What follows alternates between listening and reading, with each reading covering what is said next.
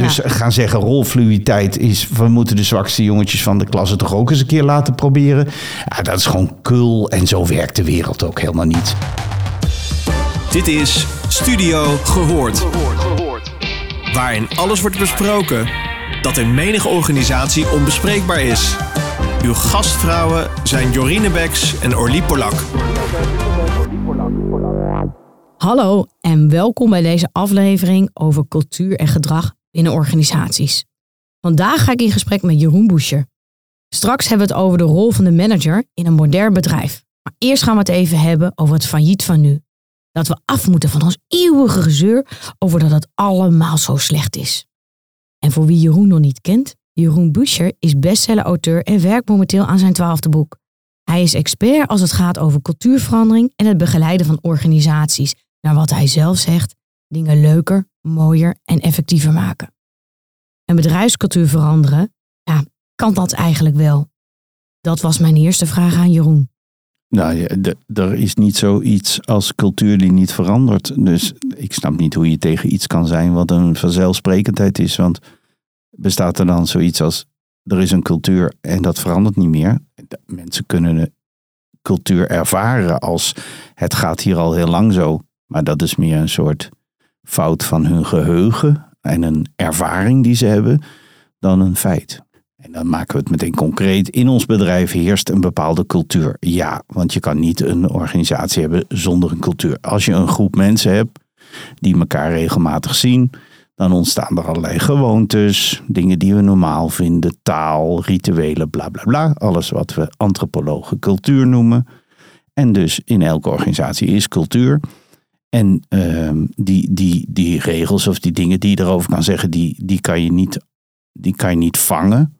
Maar dan kan je wel waarnemen. Zeg, goh, ze zeggen vaak dit woord. Of ze doen vaak dit. Of mensen hebben in deze organisatie de neiging om naar elkaar te beweren dat je wel dit en niet dat. Dat soort dingen. En uh, de illusie dat dat een set van dingen is die stilstaat en door de jaren heen precies hetzelfde blijft. Nou ja, dat, is, dat kan je ervaren, maar dat, dat is onmogelijk dat dat zo is. Het is natuurlijk heel simpel en dan weet je ook, er is een gedeelte van de wereld die kan je niet beïnvloeden en een gedeelte die je wel kan beïnvloeden. En het, eh, ik ben niet zo van failliet van nu, dus uh, heel vaak uh, proberen mensen, andere mensen tot veranderen te verleiden door te verklaren dat wat we nu doen allemaal verschrikkelijk is. Dat noem ik altijd failliet van nu. Eigenlijk is het hier allemaal verschrikkelijk. Om het te illustreren. Ja, leuk. Ik, ik ging vroeger s ochtends de deur uit en dan was mijn toenmalige vrouw woonde ik mee in een huis en dan hadden we meubels en die stonden op een bepaalde manier en we hadden behang en, en we hadden apparaten en stond een bos bloemen. En s ochtends ging ik uit een huis en daar woonden wij met plezier. Dat vonden wij een mooi huis. Hadden we samen uitgekozen hoe het eruit zou zien. En dan kwam ik soms avonds thuis. En dan bleek dat we in een verschrikkelijk huis woonden. Dat alles anders moest. Oh. Omdat het gewoon eigenlijk een verschrikkelijk huis was. Kon gewoon niet meer zo. Nee. Nou, en dat noem ik het failliet van nu. En dat, dat, is, dat is een soort neiging die we allemaal vertonen. Om, om te markeren dat, we, dat er misschien nog iets anders mogelijk is, gaan we net doen alsof waar we nu zijn allemaal verschrikkelijk is. Dus ik zei dan ook al tegen mijn toenmalige vrouw, ik weiger in een lelijk huis te wonen. En dat huis was vanochtend nog mooi, dus ik zou niet weten waarom het nu vanavond ineens een lelijk huis is geworden. We kunnen wel nadenken met z'n allen, hoe kunnen we het hier nog wat leuker, nog gezelliger, weer wat frisser. Dat is allemaal prima. Maar het failliet van nu, daar doe ik niet aan mee. En dus ik weiger ook bij klanten. Uh, terwijl klanten dat heel prettig vinden hoor. Om te zeggen, oh, het is hier zo'n verschrikkelijke cultuur. Ja, dat, ik kan daar niks mee. Ik hou daar ook helemaal niet van. Ik, ik vind het veel leuker. Ik doe met ze mee, want ik wil die opdracht ook wel. Natuurlijk. Maar uh, ik, mijn manier van denken is altijd, nou, we, bedoen, we doen op een bepaalde manier met elkaar. Nou, daar worden we gedeeltelijk door onze context toe verleid. En uh, we werken er ook nog aan mee. Nou, wat, waar zit ruimte? Wat zouden we liever willen? En hoe zouden we elkaar nou kunnen beïnvloeden dat we dat meer gaan doen? En waarom vinden mensen dat huis dan in één keer lelijk? Nou, dat doen ze om te kunnen markeren. Of laat ik het zo zeggen, mijn ex deed dat om eigenlijk een argument te hebben waarom we misschien weer eens na moesten denken voor, over een nieuwe stoel of een andere kleur of de meubels anders shifting Echt? around uh, the furniture. Nou, ik zie dat wel in organisaties. Dan klagen ze inderdaad over uh, cultuur. Ja. En nou, dat kan verschillende dingen zijn. Nou, bijvoorbeeld, um, ze werken niet veilig. ze zijn aan het staken. Ja. Ze zijn boos. Um, maar dat, ik vraag me altijd af of dat per se de omgang is die we met elkaar hebben. Of dat, we, dat het ook heel erg te maken heeft met ja, eigenlijk. Uh... Ja, maar ik vind niet echt dat mensen het doen. Als mensen staken, maken ze ook een failliet van nu. Hè? Want dan zeggen ze eigenlijk werken we hier in een verschrikkelijke organisatie. Misschien waren ze drie weken geleden nog heel tevreden. Daar heb ik ook geen oordeel over. Ik zeg alleen hoe ik kijk. Ja, dat is ik goed. hou er niet van om te, om te zeggen: ik ben hier op een verschrikkelijke plek en we gaan proberen het beter te maken.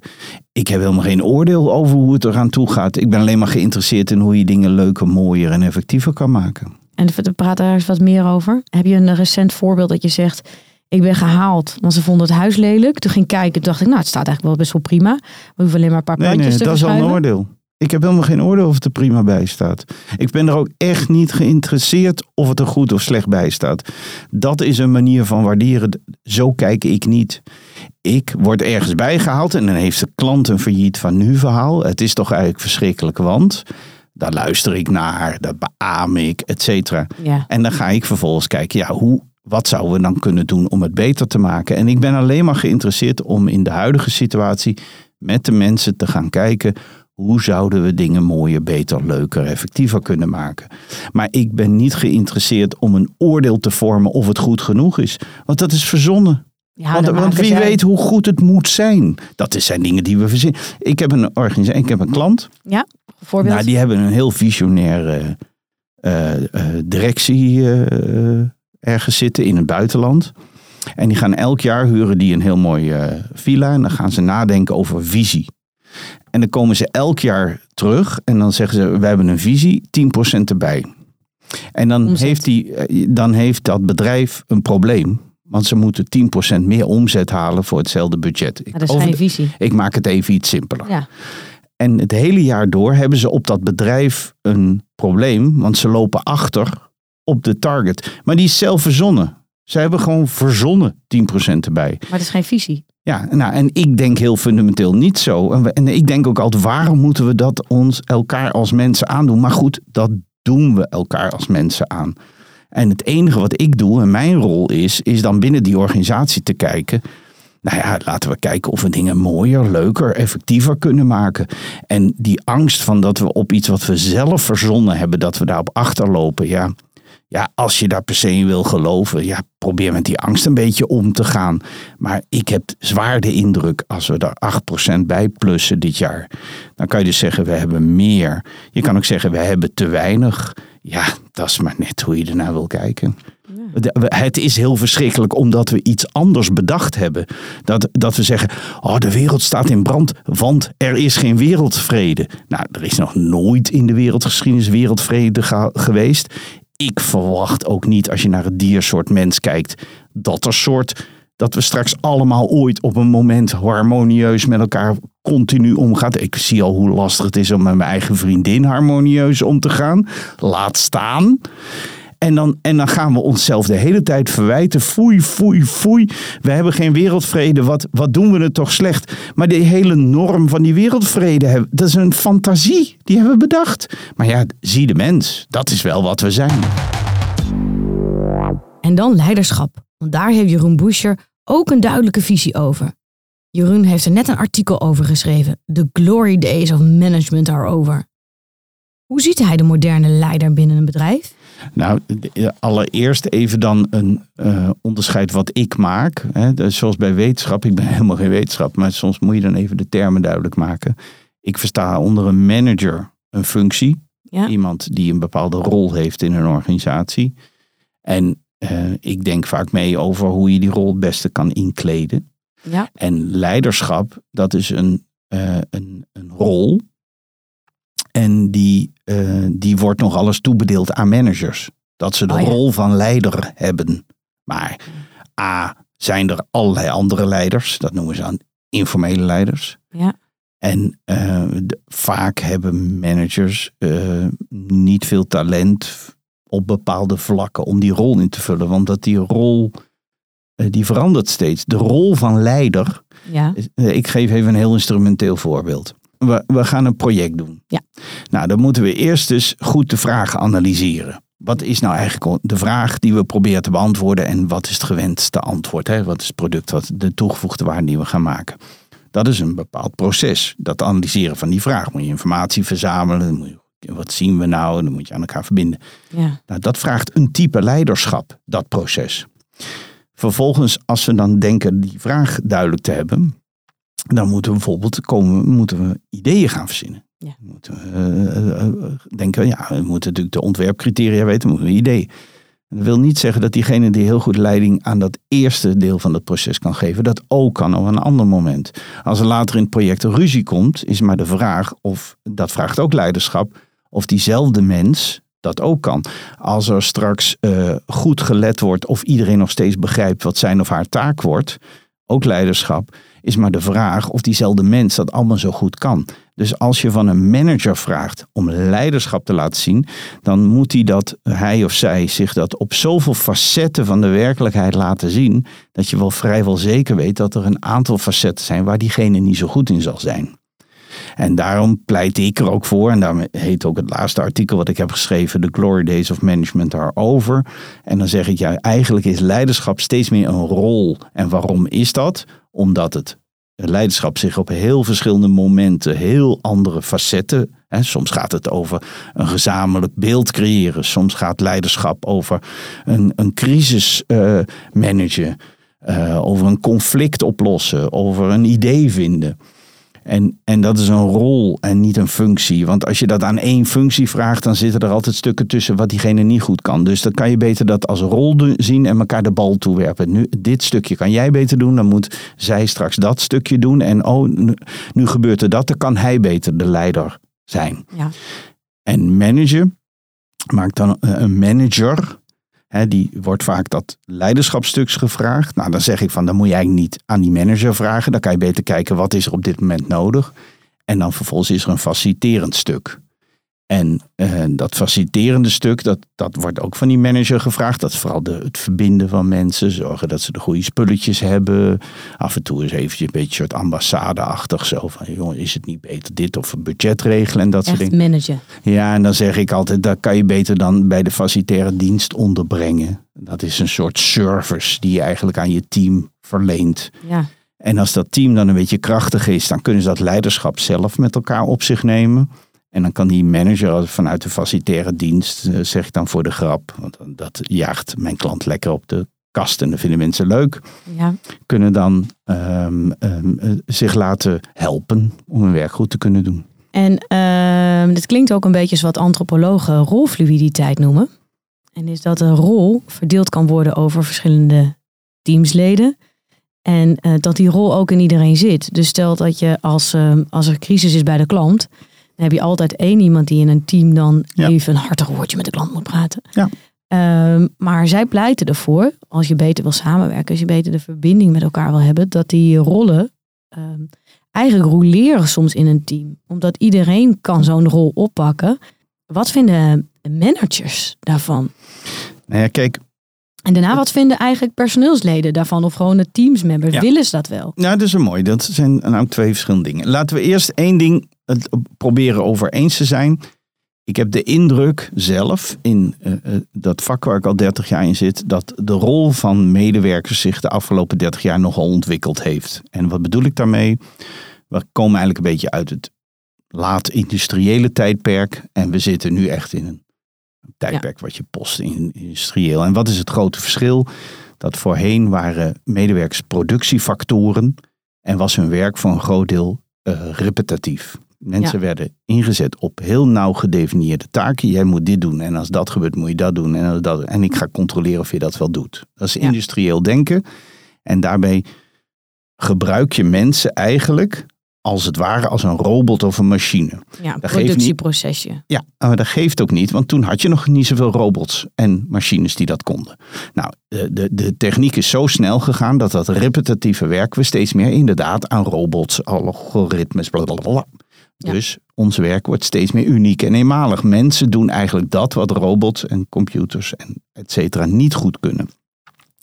Dus We worden steeds minder in, en want je moet ergens woorden voor vinden, steeds minder, minder medewerker in mijn terminologie, maar steeds meer professional. Want als je het Engels noemt, Creatief is, zijn. is het echt creatief, een beetje zelforganiserend. Eh, eh, ondernemend, niet Ja. ondernemer, maar ondernemend, eh, nou, bla bla bla bla. En, ehm, en, en het is logisch als je een groep mensen hebt en daar stop je een manager op. En de bedoeling is dat ze allemaal precies doen wat wij bedacht hebben. Want in het industriële tijdperk dacht de manager en deed de medewerker. Dat is een ander type leiderschap als dat je allemaal autonome, zelforganiserende, zelfsturende mensen hebt. Dus vanzelfsprekend die rol van manager die verandert ook heel sterk mee. Ja. Nou, en dus, dus, dus zie je bij managers een voortdurend zoeken van hoe help ik nou mijn team in zijn of haar kracht komen. Ja. En dat verandert inderdaad heel sterk, omdat die autonomie van die professional steeds Nou, maar die belangrijk taken zijn niet meer zo simpel, hè? Nee, Dus die je- zijn minder repetitief. Die zijn we weten steeds minder als we naar het werk gaan wat er vandaag gaat gebeuren. Terwijl voor mijn vader 30, 40 jaar geleden in de koekjesfabriek, die heeft nooit in de koekjesfabriek gewerkt, maar een mooi voorbeeld. Die wist precies wat er vandaag ging Ja. gebeuren. Ja, dus dan moet je op een andere manier eh, kunnen meebewegen. Maar ik vraag me altijd af, hè, want ik, ben, ik heb zo'n cursus gedaan bij Deep Democracy. Dan hebben ze het eigenlijk alleen maar over rolfluiditeit.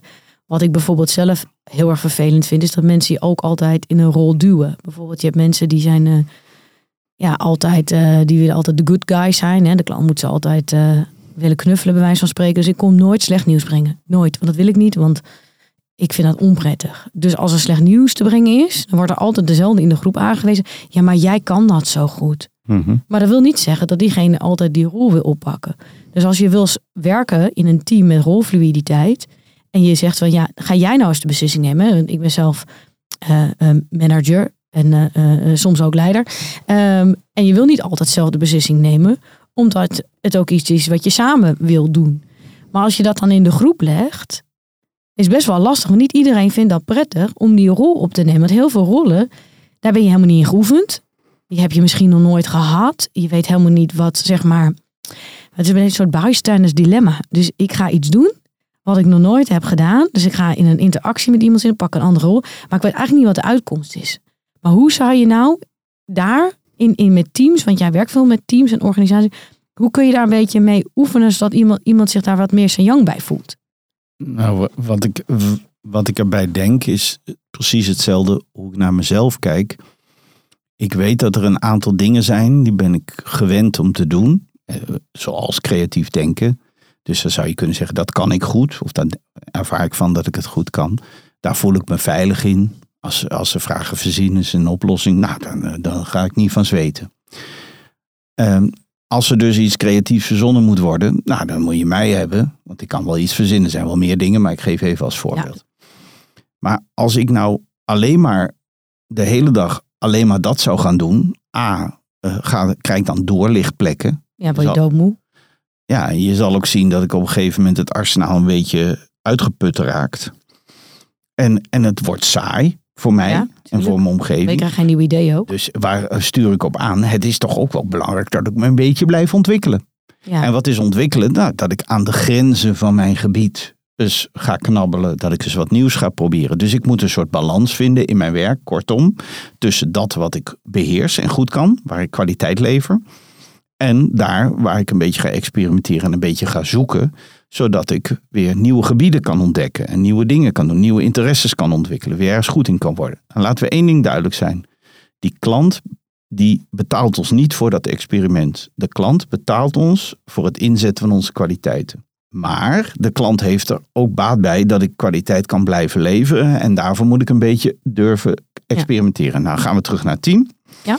Moeten we nou eh, eh, zeggen in deze wedstrijd, weet je wat, eh, die keeper staat eigenlijk nooit in de spits. Dat is toch ook voor hem wel eens goed, als uh, blijft ja, zo in die precies. rol Dat hangen. voorbeeld. Nou, en, en, en dan verliezen we met 18-0 omdat er een klote keeper op de, op Oh ja, de, op de dus niet dingen staat. En, en we scoren zelf niet, want die spits kan er niks van. Nou, da- daar gaat die klant niet voor betalen. En terecht. Dus Ja. gaan zeggen, rolfluiditeit is, we moeten de zwakste jongetjes van de klas het toch ook eens een keer laten proberen. Ja, dat is gewoon kul en zo werkt de wereld ook helemaal niet. En dat gaat niemand doen en dat wil je ook niet. Dus dat, dat is een omgedraaide wereld. Wat je in je team, maar eigenlijk meer in jezelf moet toezien, is dat je geen karikatuur van je eigen kunnen moet worden. Je moet niet denken, nou, als, als dit is, dan moet ik. Maar als er ook maar iets anders is, dan is dat niks voor mij. Nou, dan, ga je, dan, dan is de halfwaardetijd van wat je kan maar heel kort. Dus je wordt heel snel slechter in wat je doet. En uh, de toegevoegde waarde die je voor klanten levert, neemt daarbij ook af. Als je alleen maar dingen aan het doen bent die je nooit hebt te doen, heb je ook helemaal geen waarde voor, voor anderen, maar leer je ook helemaal niks. Nou, daar moet je in een team een beetje een balans tussen vinden. Dus rolfluiditeit ja, maar ontkennen dat mensen bepaalde dingen goed kunnen. Talent ontkennen? Nee. Nee. Ik vind het wel een hele lastige, want die vraag krijg ik dan. Hè? Dan vraag ik, oké, we moeten wat met rolfluiditeit doen. En uh, iedereen moet aan zet komen. Ja, Schopenhauer, in de 19e eeuw, prachtige uitspraak. Middelen hebben de neiging de doelen te overwoekeren. Hey, die is heel erg toepasselijk voor onze publieke dienstverlening. Absoluut. Oh, oh, ja, oh, en, en, en dat is wel een goede van Arthur om heel goed te onthouden. Ik vroeg ooit aan Jacqueline Reis. Uh, sorry, ik zeg altijd het verkeerde. Ondernemers van het jaar. Sorry Jacqueline, even die achternaam kwijt, want ik verwar je vaak met een andere Jacqueline. En um, vroeg ik van, die heeft een aantal bedrijven. En zeg, ja. wat doe je nou eigenlijk als ondernemer in die bedrijven? Wat doe jij dan, letterlijk, wat, wat, op dinsdagochtend? Wat sta je daar dan te doen? En toen zei ze, oh, wat, daar heb ik eigenlijk nog nooit over nagedacht. Wat doe ik eigenlijk? En toen zei ze iets heel moois. Ze zei, oh ja, nu je het zegt, eigenlijk doe ik overal hetzelfde. Toen zei ik dat je het vraagt, maar ik realiseer me. Ze zegt, of ik nou met iemand in gesprek ben, bij een bijeenkomst ben, met de klanten bij maar als als je het kort zou samenvatten, zeg ik altijd hetzelfde. Ik zeg altijd, wacht eens even, wat proberen we ook weer te bereiken? Ja, dus die doelen. En, en, uh, en uh, dat is mijn rol ook. Dat ik steeds. We, we, moeten middelen hebben om een doel te bereiken. We kunnen niet een doel bereiken. Dat, daar moeten we iets voor doen. Dat zijn de middelen om het doel te bereiken. Dus eigenlijk zeggen we, we hier rolfluiditeit is kul? Uh, we verliezen ons vaak in die middelen. Nou ja, rolfluiditeit, als we het doel bereiken tot iedereen's genoegen op de hoogst mogelijke manier zonder enige vorm van rolfluiditeit dan, dan gaat het, het gaat toch over wat we bereiken. Ik vind veel van die theorieën best wel stellig. Ik weet niet hoe jij dat tegenkijkt. Maar dan ga ik die... de clue van de theorie, dat ja, stellig is. Dat is. Ja. ja, ik vind dat uh, uh, antropologen die altijd openstaan voor alles en, en uh, eigenlijk een, een onderzoeks, wat een wetenschap zijn zonder theoretisch kader, wat ze zelf zeggen, behoorlijk um, gefixeerd zijn op hun eigen ideeën. Dus als je kijkt naar die rolfluiditeit, dan is het bijna een soort hoger doel. En als je daar tegen bent, nou, dat is echt, dat, dan, ben je, dan, dan ben je niet meer van nu. Ja, dat komt omdat het bureau en het boek en de methodiek die heet Weet ik veel. En dat boek ziet als volgt. Het heeft een cover, daar staat heel groot op Weet ik veel met een vraagteken. En de slide open, er zijn de bladzijden leeg en er staat alleen maar in het midden. Ja, weet ik veel. Dat verkoopt heel slecht. Ja, dat is ook zo. Maar toch, toch blij, ik ben denk ik dat wij tot een conclusie zijn gekomen dat uh, rollen moeten bij je talenten passen. Al een beetje bij je kunnen Ja, dat lijkt me wel handig. Want het, het, zeg maar de schoenmaker waar ik kom met mijn schoenen. En dan zegt hij, ja, het is ook de eerste keer dat ik het doe hoor. Ik ben ook aan het experimenteren. Nou, dan neem ik ze weer mee en dan breng ik ze naar iemand anders. Ja, maar eigenlijk wat je zegt, de leiderschap gaat dus eigenlijk over het doel wat je op dat moment wil bereiken. En die kan wel wisselen in, in het team. Dus de ene keer is het misschien beslissingen die over creatie wil nemen. De andere keer is het een beslissing over finance. Als je, als je dan hebt over een van de, de kernkarakteristieken van leiderschap, is dat je steeds oog op het doel houdt. Dus dat je inderdaad de hele tijd denkt, ja, dat is leuk wat we nu aan het doen zijn, maar wacht eens even. Wat proberen, we, wat proberen we nou ook weer te bereiken? Oh, we hebben het over rolfluiditeit, maar wacht eens even, wat proberen we ook weer te bereiken? Ik wil me ontwikkelen, maar wacht eens even, uh, wat wilde ik dan ook weer bereiken? Oh ja. En, en daar, daar eh, steeds weer terug naar de, zorgen dat die, die middelen niet de doelen overwoekeren. En, en misschien zegt Arthur Schopenhauer daar wel de, de kerndefinitie van de rol van een leider is dat hij zich de hele tijd afvraagt, zijn we ons nou op de middelen op het focussen of zijn we ons nou op het doel aan? Ik gebruik heel veel voetbal. Hou je van voetbal trouwens? Ja, ja, ja. ja. Ben je Ajax ziet? Ja, tuurlijk. Ja, ik gebruik dus heel veel Ajax. Ik hou van voetbal, dus ja, okay. dan hou je van Ajax. Ja, maar ik vind Ajax laatst heel erg goed voetbal. Zij ja. hebben echt heel erg duidelijk posities. En iedereen heeft heel duidelijke rollen in het veld. En ze spelen hem altijd op dezelfde manier. Dat is middelen. En je, je ziet het gewoon gebeuren. Je, je, ik weet niet, ga je naar het stadion? Soms. Ja, ik heb seizoenskaarten. Ik, ik, ik zit echt gewoon op de middenlijn. Dus ik ben echt... Uh, ja, ik heb een mening over voetbal. En zo kijk ik soms ook wel naar uh, teams. En, en ik gebruik heel vaak voetbal als metafoor voor mijn klanten. Weet je wat interessant is? dat, over voetbal. Ja, voetbal. Dan hoor je eh, dat, dat echt goede clubs, hè, die passen zich niet aan op de, op de tegenstander. En dat vind ik hetzelfde als dat ik zeg, nou, er komt de klant bij mij. Ik ga mij niet aanpassen op wat die klant wil. Dat gaat er niet. Nou ja, Maar dat zag ik- je toch? Absurd. Absurd. Ze willen Je- met een flow, hè? Het doel is winnen van die tegenstander. Die tegenstander gedraagt zich op een bepaalde manier. En, en dan zeg je, ja, maar hoe die, hoe die tegenstander zich ook doet, daar ga ik me niks van aantrekken. Het is hetzelfde als die, die ondernemer, die staat te vloeken op die, eh, in zijn winkeltje. En zegt, ja, die klanten van tegenwoordig, die snappen er niks meer van. Die, die zitten bij mij in die sterk verouderde etalage te kijken. En die zeggen, joh, daar kan ik niks mee. Nou, je kan toch tegenwoordig als ondernemer, met zulke klanten kan je geen ondernemer meer zijn. Nou heb jij je antwoord al. Het is echt bizar. Is dat je wint door eigenlijk met flow voetballen en energie. En dan vanuit die energie een opening te creëren. En daar staat een muur. Gewoon een muur. Ja, dan werkt Flow niet meer. Nee, natuurlijk niet meer. Dat heeft geen enkele zin. Dan kan je zo hard rennen als je wil. Beukenhamer. Ja, Je moet je wilde, rennen? je, wilde het hebben over leiderschap. Zijn we nu of tot de kern of zijn we nu aan het afdwalen? wij zijn eigenlijk tot de kern. Want dat ik vind wat ik zie bij voetbal. Zo zou je het ook in organisaties moeten zien. Je be- bent met het team bezig om te winnen. En daarbij ga je kijken naar wie gaat op welk moment op welke positie staan. En hoe kunnen wij optimaal samenspelen om ons doel, dat is het kampioenschap of de wedstrijd winnen, te gaan halen. En dat vind ik best wel gaaf hoe jij daarin zit. Zeker als je kritisch kijkt naar alle nieuwe hippe inzichten. Is dat jij niet uit het oog verliest. Hé, maar we gingen toch een wedstrijd winnen? Dames en heren, deze podcast is met name mogelijk gemaakt door Orly Polak. En dat was dan Jeroen Boescher. Uiteraard sluiten we af met wat leestips. En dit zijn de boeken van Jeroen eh, die wij in ieder geval erg de moeite waard vinden. Leiding geven in hybride organisaties, aanstekelijk veranderen en de leerrevolutie. In de show notes van deze aflevering vind je een link naar zijn website. Heb je een mening of heb je een vraag? Stel het ons, vinden we hartstikke leuk. Stuur ons een mailtje via LinkedIn bij Jorine Beks of bij Orly Polak. En eh, tot luisterens. Je luisterde naar Studio Gehoord. Vond je dit een leuke podcast? Laat dan een review achter bij jouw favoriete podcastplatform. Tot de volgende!